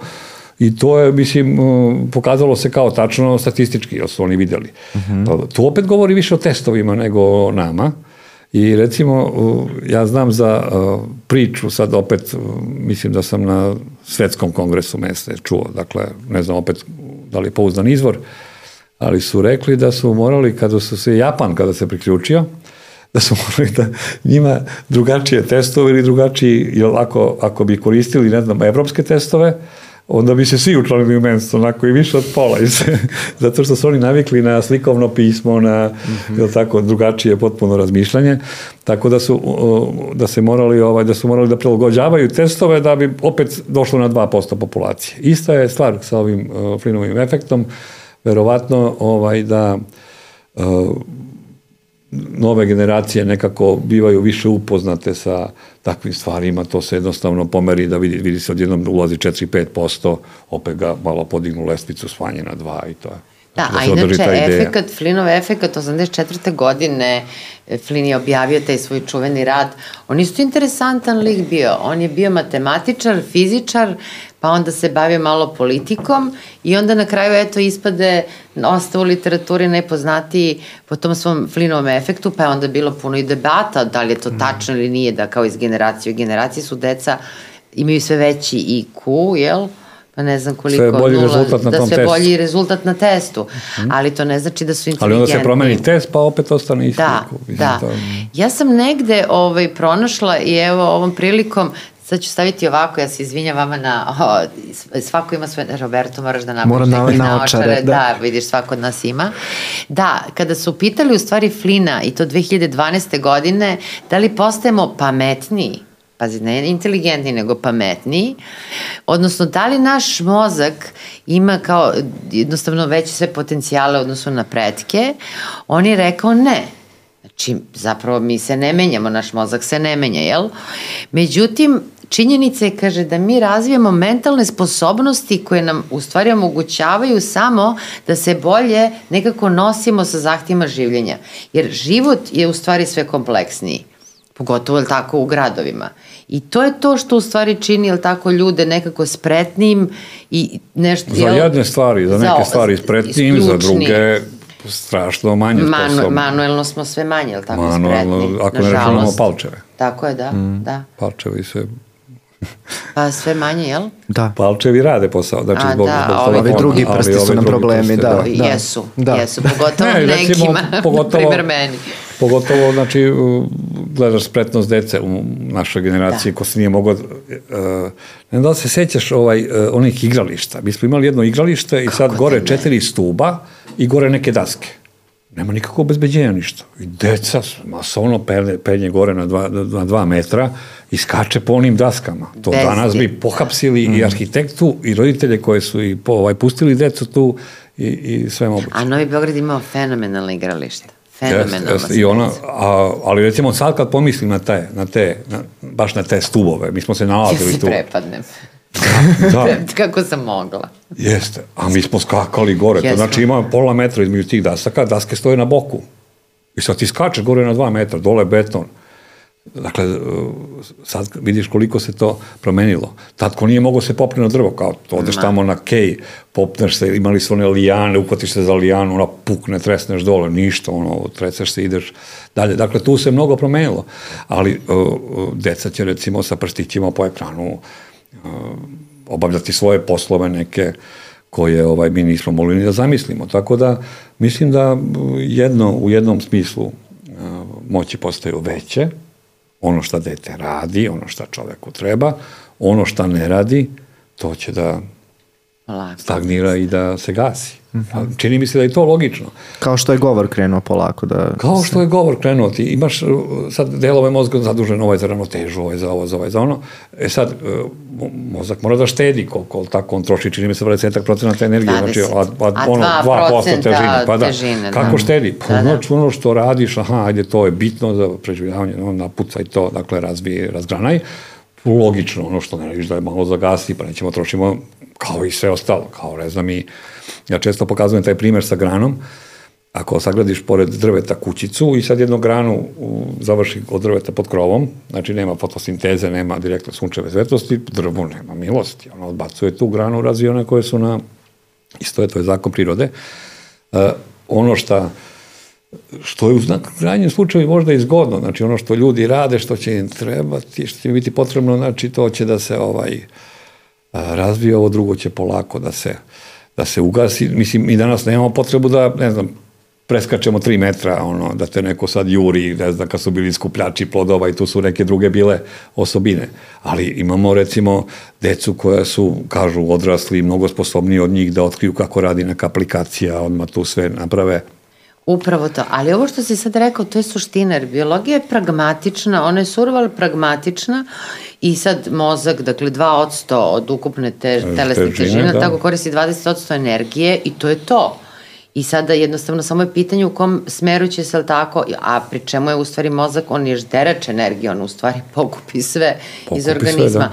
Ali kada bi uzeo recimo teoretski, hipotetski sad kad bi se stvorili novi neuroni to i sad mi bi imali situacije da se 100% poveća potrošnja energije jel, u, u našoj glavi, ali onda bi patilo telo. Prema tome, biologija je tu ekonomična i ona će u stvari da samo forsira one funkcije koje čoveku 21. veka trebaju. Jeste, a jedini način da sazna koje, mu, koje su mu potrebno, ono šta radi, šta, Šta radi, pokušava, šta. to. Dakle, i to je ono... To je to. I, i to je uh, toliko logično uh, da, recimo, uh, u radu, na primjer, sa decom, Sad, ne može dete tu da sevne da nauči da crta, sad ono sevne i zna to, nego ono vučeš liniju, aha, pa nije dobro, pa gleda, pa se trudi, pa pomisli, ja, kako bi volao, pa vidi ovo kako lep crteš, pa isto je za govor, ne znam, neko ti, tata ili mama čitaju ti bajku, pa sad ti prepoznaš ovu rečenicu, pa kažeš nešto, pitaš, pa te isprave, aha, mozak vidi, ovo mu je potrebno, znači svaki da se izgovori č, č, znači one sve glasove, i onda mozak to radi. Kad ne radi, aha, ovo nije toliko bitno, ajde to malo uspavaj, ovo drugo što radi, razvije.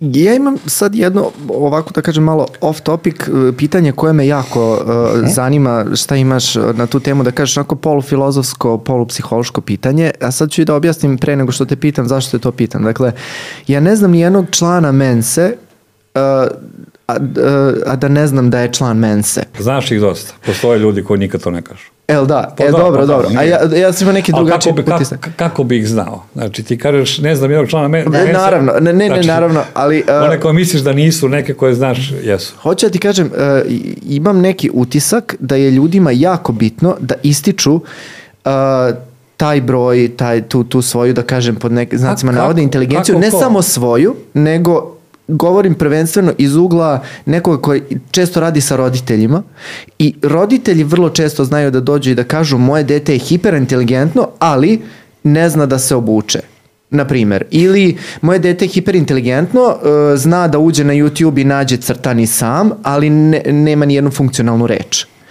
E to me zanima, e, čini mi se da se to malo prenosi i u, za sebe, dakle znam dosta primjera ljudi koji će vrlo uh, jasno da ti kažu slušaj ja imam IQ uh, 152 ili tako dalje, znači zanima me ta potreba, šta misliš o tome, ta, o, o toj potrebi ljudi da se ističe taj broj kao da taj broj je neka, ne, nešto ovako što je zakucano i da je prosto...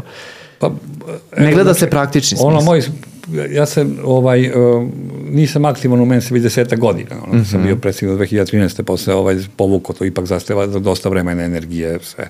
I to. Ali evo, evo sad, po sećanju na to, dok sam se intenzivno tamo družio i sarađivao sa ljudima, uh, pa dobar deo i, i ne priča. Ali ti ne možeš da čuješ za njih, niti ja znaš da su to članovi mensa ako ne priča to. Ti znaš samo ove koji pričaju, oni se samim tim što pričaju već se malo, je tako, i, i, i pokazali. Pa dobro, znači nemam ništa protiv toga. Na kraju, kak, ja, ja da imam naslovne strane, tamo novina puca na sve strane, ono, ovaj, uh, ali možda je to sad u, u novije vreme i do ove Instagram kulture malo i do toga, tako, znači, svi imamo te neke frizirane fotografije, pa ne znam kako ovo, taj neki, mm. tu neku ovaj, uh, sliku, pa dobro, možda, uh, sad se setio, kad su pisali tada CV-eve za posao i to Aha. sve, neko stavi, neko ne stavi. Uh, I sad kad smo razgovarali o tome zašto se to događa, uh, nisu stavili oni koji su mislili da će im to odmoći. A kako može da odmokne? Da kaže poslodavac, vidi ga ovaj, bre, šta se pravi varan tu, doći pravi Aha. doviđenja. Uh mhm. -huh. A neko, neko stavi. A i to je, to je ovaj, ispravno razmišljanje. Ja poznajem i upuno sam različite ljude, ljude koji ne znam, ono, e, super to, znači, neki koji opet misle s druge strane kao, ma daj, kao šta će. Roberto, ti meni pokazi da ti umeš da radiš i takve stvari. Roberto mnogo više od mene radi sa mladima, ali sećam se kada sam radila još na klinici, znači ima tome preko 10 godina, e, došao je na odelenje dečko jedan, on je bio u srednjoj školi i samo se sećam da je njegova majka forsirala kako je on jako inteligentan, ima jako visok u zapravo koeficijent inteligencije, a dečak je imao u stvari ozbiljne emotivne probleme. I to me interesuje, Roberto, iz tvoje prakse, iz tvog svakodnevnog rada, koliko u stvari je važan taj, da kažem, podjednaki razvoj emocija i kognicije i svega nekako da je u harmoniji? I kako to u stvari, kako tu intervenišete i kako, koliko to u stvari negde, da kažem, onako usmeravate roditelje je to važno. Ja mislim da je to ključ svega. Mislim da je ta disproporcija koja može da se javi između intelektualnog i emotivnog, emocionalnog razvoja u stvari stvara ogromnu patnju kod svakog deteta koje kroz to prolazi. Jer dete vidi i razume i e, razume sve što mu se dešava, a ne zna, adek, nema adekvatnog načina kako da odreaguje. I taj usporeni emocionalni razvoj nažalost, je vrlo često posledica neadekvatnog roditeljstva, neadekvatnog odrastanja, zanemarivanja u detinstvu, ono što mi kažemo poremećaj attachmenta, dakle te primarne privrženosti u najranijem detinstvu kada su umesto da podele zagrljaj Urašovu bajku ili bilo kakvu drugu ovaj, interakciju na tom najranijem uzrastu se delio telefon ili se baka stavljala si, unuka pred da gleda crtaće i tako dalje. Znači, nažalost je, je ta emotivna nezrelost posledica uh, da kažem tog sredinskog a, sredinskog uticaja najviše i onda kada se to još a, zbije zajedno sa visokim intelektualnim potencijalima iz, ja sad nemam mnogo iskustva sa tim, ali vidim koliko, koliko tu užasnu patnju može da stvori kod dece. Užasno. U današnje vreme moderno sad se šalju deca na razne sad aktivnosti. Znači, ja mora i sport, mora i ne znam ovo, ajmo sad i jezik, ajmo i ovo. Dakle, a, a evo, poruka za roditelje, savršeno dete nećete napraviti. Znači, nema šan, znači ono možeš da uradiš šta god hoćeš. Niti e, šta god da roditelj uradi će biti savršen roditelj. Ma ne, naravno, to tek. Znači, to su još manje šanse da. od ovog nemoguće. ali, ali e, to da uh, zagrliš dete, da provedete uveče zajedno, da tu u tom čitanju bajki, ne, već ako si umoran, brzo će zaspati. Znači, za, pogotovo bajke ako imaš neke koje su pomalo najhipnotički govor, mm -hmm. pa to mhm. sve onako I to, to su trenuci koji u stvari e, formiraju ličnost. I mene da pitaju da li bi volao da napraviš, ne znam, ovaj, e, puno o, ljudi koji će, ne znam, imati briljantan um, ma šta to značilo, ili koji će biti dobri ljudi, nekako, ako bi morao jednog da se lišim, znači ja bih volao da to budu dobri ljudi. Mm -hmm. To je nekako o, važnije kad se osvrneš, kad pogledaš jedan život imaš na ovoj zemlji. Ja kažem, ono, ljudi se dive, danas malo poremećeni ti ovaj, poremećenim o, kriterijumi i to sve, pa... I sistemi znam, vrednosti. O, to, mm -hmm. tek, to je stvarno, stvarno strašno, mislim da mnogo malo radimo a, na tome, da bismo morali mnogo više i mogli mnogo više. E, da recimo danas lako kažu kao vidiš ovaj ne znam kao ma super snašao se ovaj čovjek ne znam tamo pa lako je ti da napraviš recimo novac uopšte znači ili neku ako si ti nepošten al tako? Šta je problem? Uzmeš tamo pozajmiš od ovoga nećeš da vratiš ništa. Dakle prevariš nekog to nije teško. A ljudi kažu da da snašao se viš kako je on sposoban i to mm -hmm. sve. Jedan život imaš. Znači e, trebalo bi da ga provedeš kao dobar čovjek sve ostalo može, ali znači nije, nije dobro. Kao što i bez bajki može da se odraste, mm. ali sa sigurno šta. E, Uroše, još jedna vrlo interesantna stvar koju sam pročitao o tebi jeste da si ti uh, jedan od suosnivača jednog uh, obrazovnog programa za decu, uh, ako se ne varam, zove se NTC program, je li tako? NTC sistem učenja, da. Sistem učenja, da možeš nešto da nam objasniš ovaj, o tome, jer mislim da je jako interesantno, a da ne znaju ljudi mnogo o tome. Po dobu sad, sad, i, sad se i dosta zna, doduše ja se dosta sad manje o, stižem da se, da se bavim time o, i to je jedna od stvari recimo koja je nastala od poznanstva u Mensi. Mhm. -huh. Eto, sad doktorom Rajovićem. O, naime, o, želi smo da damo neki svoj doprinos, pošto se već sad pojavili problemi na PISA testovima. Mhm. -huh. PISA test je za slušaoce nešto što se radi sa populacijom od 15 godina, koliko su u stanju da primene ono što su, što uče. Ima više tih nekih, ali na to se otprilike svodi. Uh, I dosta pokazuje, dakle, i tu smo bili jako loši, čini mi se, pretposlednji u Evropi 2003. godine, svake tri godine se radi, gde smo se sledeće godine, za tri godine nismo više bili pretposlednji, ali uh, valjda zato što se priključila Rumunija i Bugarska, ne znam ko još, ali uglavnom nije to bilo dobro, sve zemlje sveta uh, daleko zaostajale su, a i zaostaju danas za zemljama Istočne Azije.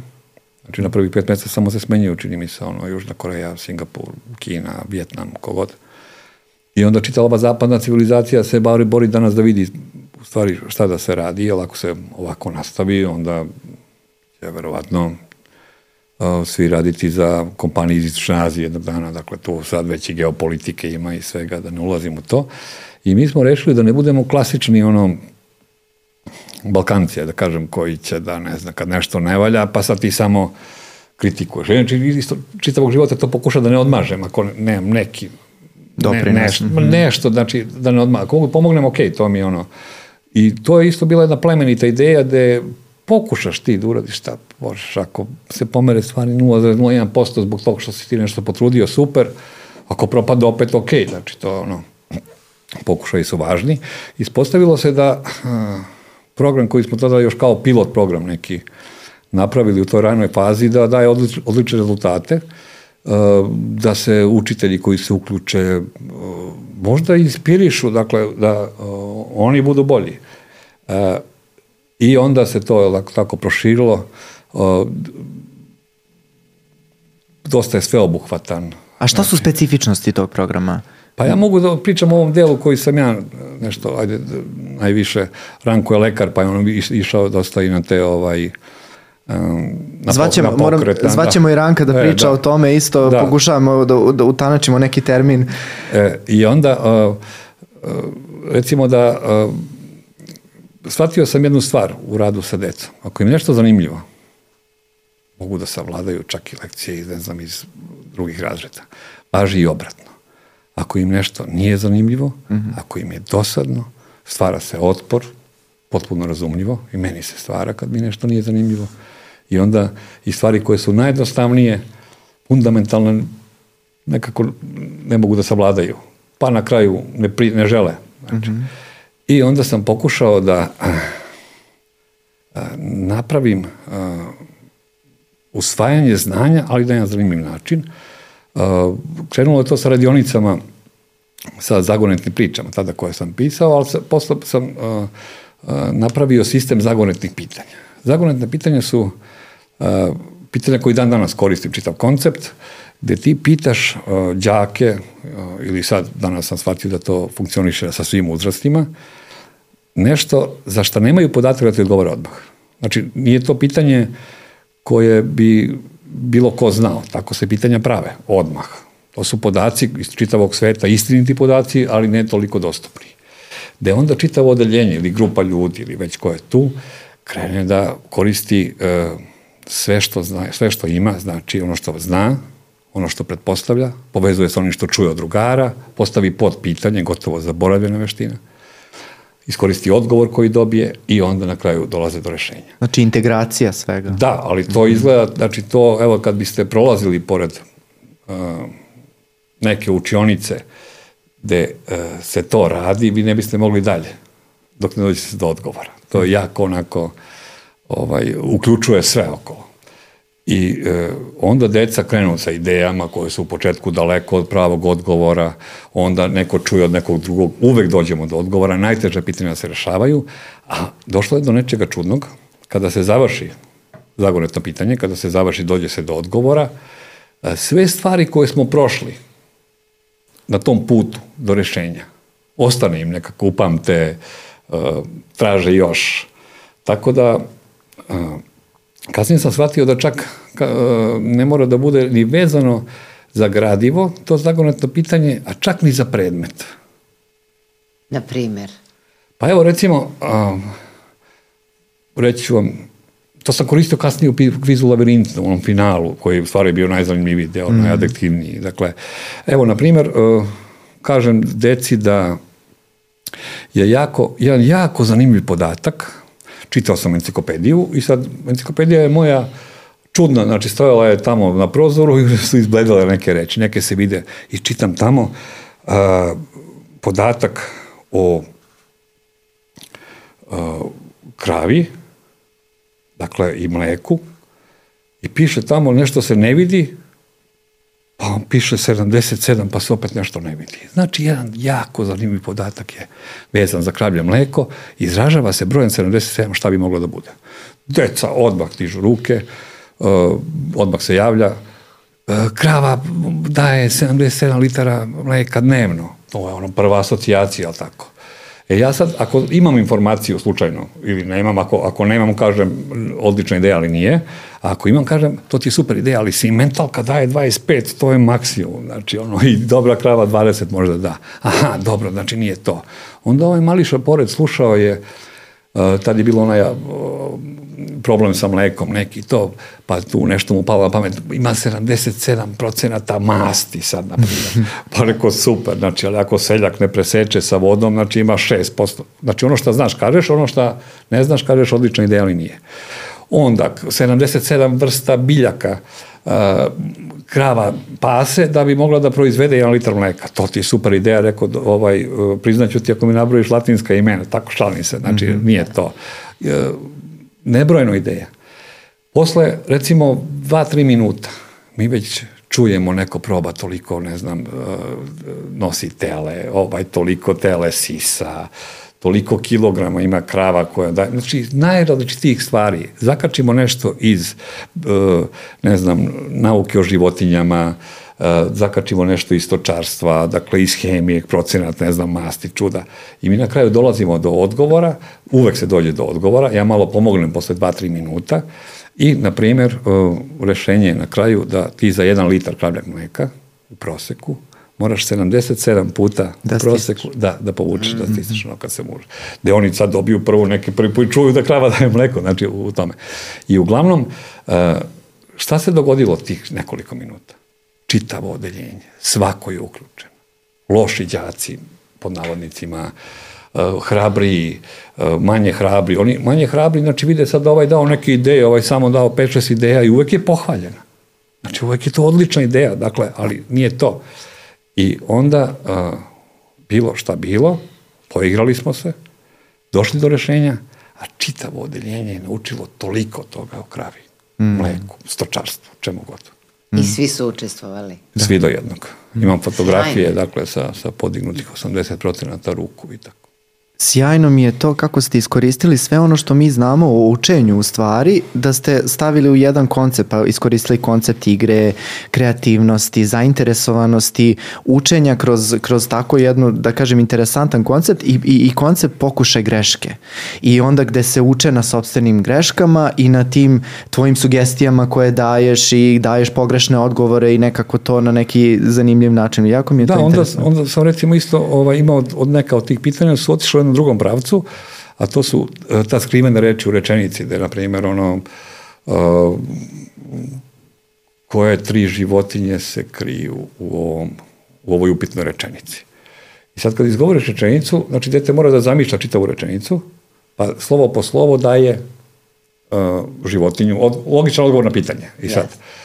I sad svi čekaju da kažem rečenicu, kažem, već sam rekao. Znači, ko je životinja se krije u ovoj upitnoj rečenici. Onda neko, aha, ko jež, jež se javi, super, ima još dve, ajmo dalje. Vo kao ovoj, super, dalje. Ne znam, upitno, imamo i noja i tako. E sad, to oni, naravno, polako se budu, to ovo sa, koju sam rekao je već malo zahtevnija, ali šta oni zapravo rade?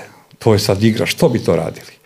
Ja sam siguran da oni u stvari naprave, mora da zamisliš rečenicu, mora da primećuješ segmente koji su zajedno i da će on tu sposobnost kasnije moći da koristi u hemiji, da prepozna da je CH3 u nekom velikom molekulu ili ne znam u programiranju da je uh, neki kod koji možda nije na dobrom mestu ili da je x minus 1 u nekoj matematičkoj formuli.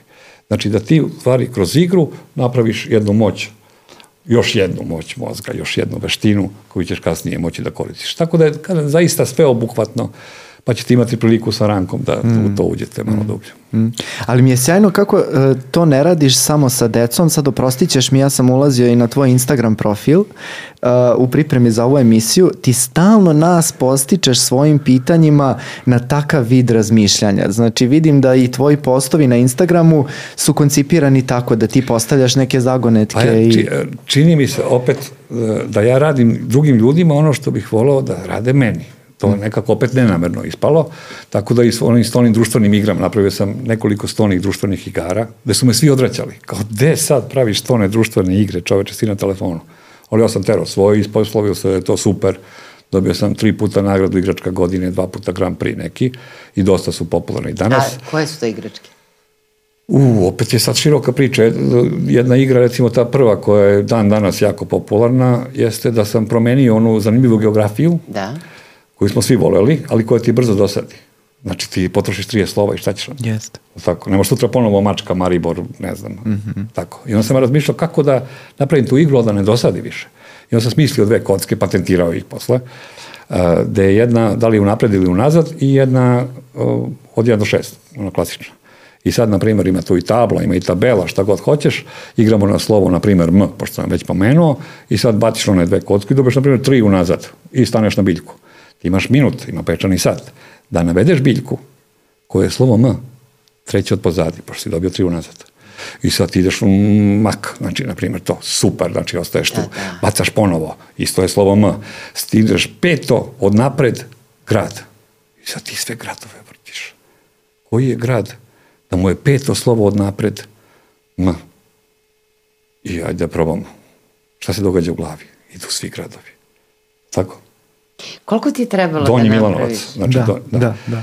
A, Koliko i- ti je trebalo za tu igru da napraviš? Ideja minut, a čitava, znači Pa ono ta da se... realizacija cijela. Realizacija, prvo, bio sam Ozbiljna. jako nezgodan, znači u zahtev da kutija bude duplo bolja od svih američkih igara, da bude savršena, dizajn, sve, pravo Svaka drvo, čast. čuda. Pa mislim ako ginem da ginem Pa, ko Manchester, naravno. znači ono da znam zašto sam. Ispostavilo se, kažem, da i nismo mogli da proizvedemo koliko je kolika Potražnja je potražnja. bila. Da. E, a šta sam u stvari uradio? Promenio sam igru, koja postoji, ne znam, decenijama, možda i više od 100 godina, sa jednom idejom koja je nastala za minut, da možeš da igraš sutra. Ponovo nama ako hoćeš. Nikad neće biti isto. Biće grad četvrti spreda, a biljka treća od pozadi, a, a tako. E, uh, kažem, sve što radim, te radionice, pa i taj na kraju Instagram profil. Znači, za, i za njega sam dobio nagradu za najbolji profil na ovaj, Tu vidiš. Baš me da, čudi. a, a šta, ali šta sam uradio tu? E, Dakle, svaka treća objava mi je vizualna zagonetka. Da ti vidiš nešto, pročitaš u glavi šta vidiš, pa onda to lomiš da se dobije nešto smisleno. I to sve. E, To opet biste vi mogli bolje da kažete. E, Moje mišljenje je da pravi e, veze neke nove Tako između je. onoga što vidiš i Tako je. verbalnog dela i ljudi u tome uživaju, preko 20.000 ljudi to rešava, nije mi teško odgovorim bukvalno svakome, kad izađe nova zagonetka, u taj dan mi ode samo na odgovore, jako mi pomaže veštačka inteligencija, znači imamo one skraćenice kad odgovaram, bravo, to je tačno rešenje ili odlična ideja, ali nije. Sjajno. ali- A znači ti koristiš veštačku inteligenciju? Da, ovo je koristim ja sve. Evo, evo ga, Da. otvara Ja se nova tema. Da. Ne, da, mi to zovemo hiperkonektivitet, u stvari kao da su te jednostavno neuralne mreže međusobno više povezane, jel? Tako da ti u stvari pomažeš e, i da kažem odraslima onaj period koji su možda malo zakržali, nisu razvijeli svoju inteligenciju, da je Pa evo, znači, malo... kako se dogodilo da, radim s odraslima. Znači, ja sam to radio samo sa decom, ono, sve to. I onda su me pozvali na jedan veliki skup u, poslovni. Naime, dao sam intervju za neki uh, hotelski časopis, koji je u lancu hotela, ovaj, Oni što stoje na stolovima. E, bukvalno, aha, bukvalno. aha. I da ne kažem da je najčešće čitaš. I uglavnom, i uglavnom znači, dobijem poziv, čudan naglasak. A, predstavi se, ja sam iz a, Slovenije, Sonja Šmut se zove žena, nije bit, bila je valjda sekretar udruženja menadžera. Ja sam čitala vaš članak, taj u, u hotelu tom i tom, i, ovaj, i to me jako inspirisalo i mislim da biste vi mogli poslovnim ljudima da e, pokažete koliko da ih inspirišete na kreativnost. Sad ja prepadnut kako radi ono s decom, kako i sad neki forum, dakle na najvišem nivou forum menadžera u Portorožu u hotelu. Ja sad, ali mislim, ja kažem, Radoznalost. pa da, ja kažem nije problem, ali mi se baš ono, novembar je neki bio da ovaj, nije ono kao sad u julu ideš u Portorož. I ja kažem neku cenu onako, ne znam, znači bilo me sramota da, da ne znam, da kažem neću ili šta ja znam. Ja, super, vamo tamo, vidimo se. Ja sad, znači, šta ću, idem tamo, a, predstavnici vlade Slovenije, direktori velikih kompanija, dakle, od, ne znam, od Krškog do, ne znam, sa banaka, haos. Ja odlazim tamo, ja, ja ću da radim isto, kao sa decom. I ja onako držim taj svoj deo, aplauz, izađem napolje, nemam pojma kako je bilo. Prva pauza, mene okruže. Znači, sa svih, u moju firmu, e, kontakt, e, znači, od tada, dva put sam izašao na naslovnim stranama njihovih poslovnih časopisa, tako da, znači, ispostavilo se da e, ako umeš da probudiš ono dečje, u stvari da, da svako ima, jer sam ja tad, danas već znam, pošto imam već iskustva dosta, e, probudim ono dečije u, u njima. A kad probudiš ono dečije u ljudima, onda mogu da smisle šta god poželiš. Mm. I to je nešto, eto što, ja čak, evo vidio si na Instagram ovaj profil i da to ne reklamiram nigde, mislim nikad, nisam ni to radio čak, ali eto u poslednje vreme radim sa uh, značajnim ovaj, brojem kompanije. Tako. I, I vrlo interesantno, ovaj, kao deo tvoje biografije koju nismo Olivera i ja mogli da uvatimo ni za glavu ni za rep, je uh, ono što nam je ostalo u glavi je bila vrlo interesantna činjenica da si smišljao pitanja za kvizove. I uvek me je intrigiralo ko su ti ljudi koji smišljaju pitanja i sad ne mogu, prosto tu si sediš s nama, zanima me kako, jel postoje neka pravila, da se, ako, ako se ne varam, znači ti si bio u lavirintu, u, u, u lavirintu znam da si učestvovao, tako, odatle te likom poznajem, ali uh, znam da si za Poteru isto. Ja, ovaj... za, prv, za prve one dve, tri sezone. Aha. Ali ti si sa... izgleda krenuo još ranije, sećam se, mi kad smo bili klinci, to Roberto ne znam, imali smo kviz, takmičenje Tito Revolucija Mir. I to ovaj, sam pravio. Pa znači, znam, to sam zato pravio. kažem, da. A kako si to pravio? U vojsi, u vojsi, znači bio sam brdska pešadija u visokom i smišljao sam da bilo šta ponudim samo da, da malo me puste na miru. Još sam imao onaj lapet za bilo bacač katastrofa. I onda sam se pravio, pošto sam već imao iskustva, znači radio to kvizove te sa braćom, tako da sam pravio kviz Tito Revolucija, Revolucija mir. Pazi, e, to, je, to, to je prošli milenijum, samo da, Bukval, da, da znaju, da, da slušalci, da, da, da, jeste. A posle toga su krenuli ovi, da kažem... Kvizovi malo, da, kvizovi, da, da. da. Jeste, ali bilo i kad sam bio dete, znači tako, tako sam se inspirisao da pravim to za braću. Ja sam imam 5-6, još sam sačuvao to, imam tu ovaj, knjigu gde sam 5-6 kvizova napravio sa različitim igrama. A koliki je to pul, ovo što Roberto kaže, koliko je to pitanje, kako to izgleda? Pa jako je toga? zahtevno, jako je zahtevno, recimo o, za jedan od najpopularnijih kvizova sad, o, za koji sam pravio pitanja, po jednoj epizodi je potrebno 144 pitanja koja moraju da budu smislena, zanimljiva, različitog težine, gde ti onda naravno moraš i da proveravaš, nije dovoljno na internetu da nagaziš na podatak, jer bar dva, tri izvora bi trebalo da, mm -hmm. da ga potvrde. Uh, jako, jako zabavno, ali jako naporno. A, pa koliko ti treba vremena, recimo, za jednu epizodu? Pa sad ne, ne, ne mogu tačno da se setim, verovatno različit, nekad Zavisi ali sve što radimo, sadrže, nekad ti da. nešto ide glatko, ne, nekad, da, da znam i kad pišem knjige, ono, nekad se jedna stranica porađa nekoliko dana, dok nekad ti onako i sam se izdenadiš koliko ti do dana napisao sad kad budemo pravili nova ispitna pitanja za studente psihijatrije, Roberto, molim te da imamo vezu, da nam pomogneš malo kad budemo pravili pol pitanja, da, da. da budu kreativna. Da, da. Jeste, da. No, ogromna je razlika. Ja kažem recimo i ono što kad radim sa decom, znači kako ih uvedeš u svoj svet. Znači, možeš ti isto pitanje da postaviš na, neko, na više načina. Na jedan način isto pitanje od reči do reči. I da bude, ok, ajde, pitanje ko pitanje a mogu mm. da ih uvedem. Recimo ja kad postavljam te neke moje zagonetke, ja onda promenim malo glas i pričam o toj devojčici koja u podzemlju nalazi na kapiju. Kapija je neobična. Iznad kapije je zagonetka, a iz kapije vire brojke i slova. Ona mora da je reši. Ako je reši, vrata se otvori i može da prođe dalje. Ne samo to. Čuje korake. Shvata da nije sama. Da mora da razmišlja brzo. Iznad kapije piše ta trećinu gubi kad na glavi dubi. Ili da uprostim šta kad okreneš na opačke, izgubi trećinu. I sad ono, sad deca već su u tom prolazu, oni su već tu, već vide svetlost. Pazi, i ja već... sam, da ti kažem. Da, pa to, da i onda ja krene... Ja sam ta devojčica. da, i onda, znači, onako si okreneš na opačke, odmah, znači, njih dvoje, troje, odmah ih semne pečani sat. Ja kažem, to ti super ideja. Ali pečani sat, ako okreneš na opačke, pesak pređe dole, on ostane isti. Onda se neko seti, možda je čaša vode ali da li je od stakla, da li je od plastike, koliko je vode unutra, nikad nije tačno trećina, nekad ono pola, nekad 47%. I onda dok oni dođu do rešenja na kraju, dođu da je rešenje broj 9, e, da, ali da. taj put je važan, znači to da. strašno, stalno mi priča, znači sam trenutak kada neko dođe da odgovara. Bilo je zagonetno pitanje, predmet, nije to bitan. Ono blago, ono što moramo da uvodimo u škole, živote, detinstva, su oni minuti pre toga kada svako u toj sali pokušava da dođe do odgovora. E, to je ona, ono što pravi razliku. Da budimo tu radoznalost u ljudima. Da. To je ta čarolija. To je ta čarolija, da. da.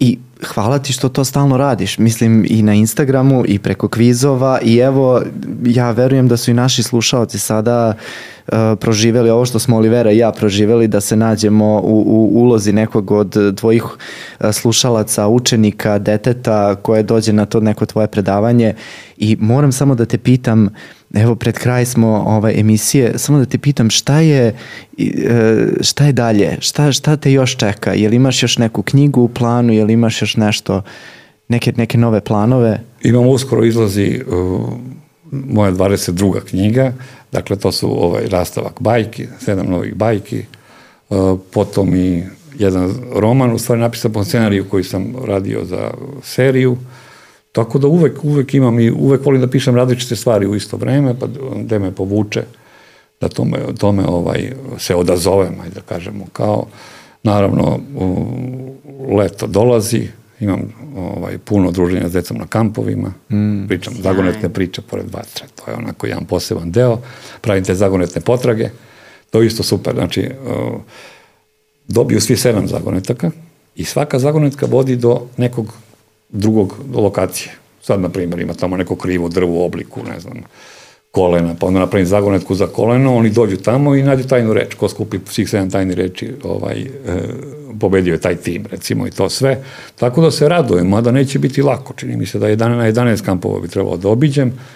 Imam i ovo druženje ovaj, za koji dan na Vivaldi forumu, na, gore kod Drvengradu. Mm. Toliko da razne lepe stvari. Znači vidimo se na promociji. Vidimo se. I ti toliko strastveno pričaš o svemu, o svemu ovome, imam utisak da stvarno radiš ono što voliš i, i moje pitanje za kraj, je li moguće da se osoba uopšte penzioniše od posla od koji radi, je li moguće da, da, da se, je li te umara nekad ili misliš da dok si živ ćeš ne, raditi Ne, to bih volao da znam šta se događa, jer neverovatno je koliko, na primjer, odem do Prijedora, koji je dosta udalje. Znači mm -hmm. sad kad bi, pa na primjer sutra me čeka Kladovo i to sve. I sad znači ti i voziš i tamo o, daš sve od sebe, naravno dobiješ i puno energije, sve to nekako i ne umorim se. Ne umorim se, mislim, umorim se ja nekako, nekako fizički, ali kad krene radionica, tu ne znam, nešto se dogodi, da li neki, to biste vi bolje znali možda da objasnite, da li tu krene neki adrenalin, neki ne znam ja šta je, i onda ovaj,